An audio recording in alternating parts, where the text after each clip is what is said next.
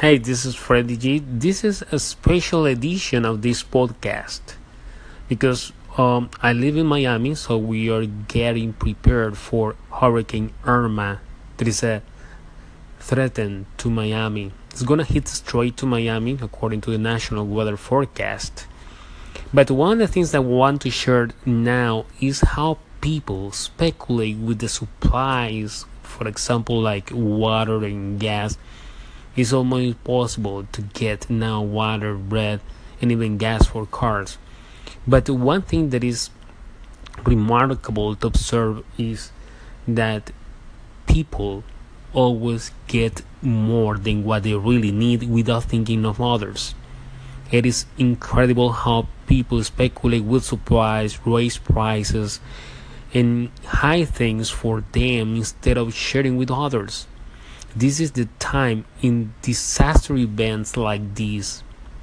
We need to be aware that there are people that are more in need than us.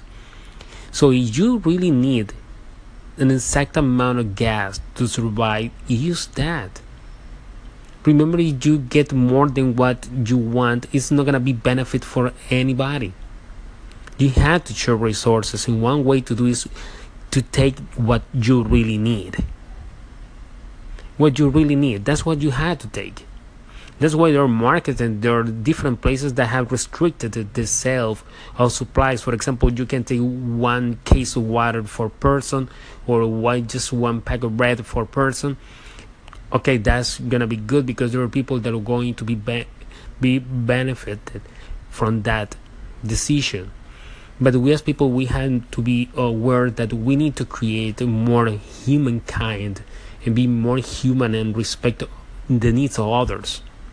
We need resources, we need more resources for everybody, but we can't grab for everything for ourselves. We need to be conscious and be aware that we need to share those resources with others. So that's my reflection for um for today. This is uh, the last day, just the official day to prepare, to get prepared, to get all the supplies that we need, and to be safe in Miami Dade, where I live, is a mandatory evacuation. So we will hope if the zone where I live will be also for evacuation. So let's pray and let's see what we can do to survive, to be safe. Of everybody, you know, get all the cautionary measures to survive and to be safe with the family. So let's see what happens. This is a special edition, and hopefully everything will be fine. Until the next time.